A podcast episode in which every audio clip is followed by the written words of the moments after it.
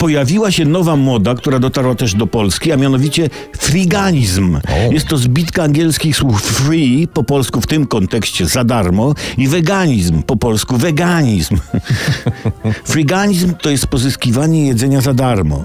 Friganie grzebią śmietnika koło marketów i restauracji i wyławiają nadające się jeszcze do jedzenia produkty, głównie warzywa i owoce.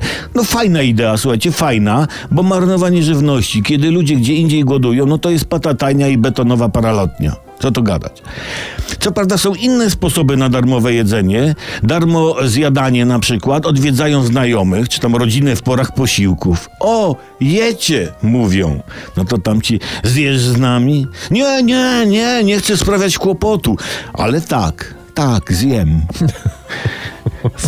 Frigaństwo może mieć jeszcze kilka odmian, na przykład frigapstwo, nie? Grzebiesz w koszach na przystankach i jeździsz na jeszcze całkiem dobrych biletach, już za ciebie skasowanych. Albo fripalizm. Fripalizm. Ty daj fajkę, bo wiesz, bo rzucam palenie i zapomniałem se kupić, nie? Frilitarianizm może być. Sam sobie piszesz książkę, żeby nie kupować. Oszczędzasz. Ja kiedyś też uprawiałem coś, co można nazwać darmowym uzyskiwaniem, prawda? Była promocja na przykład kup dwa dżinsy, dostań trzeciego dżinsa za darmo. To wziąłem tylko te trzecie za darmo. Znaczy założyłem na siebie, no, nikomu nie mówiłem, nie, no bo po co się afiszować i chwalić. Jak słusznie zauważyła pani Dulska, skromność skarb dziewczęcia.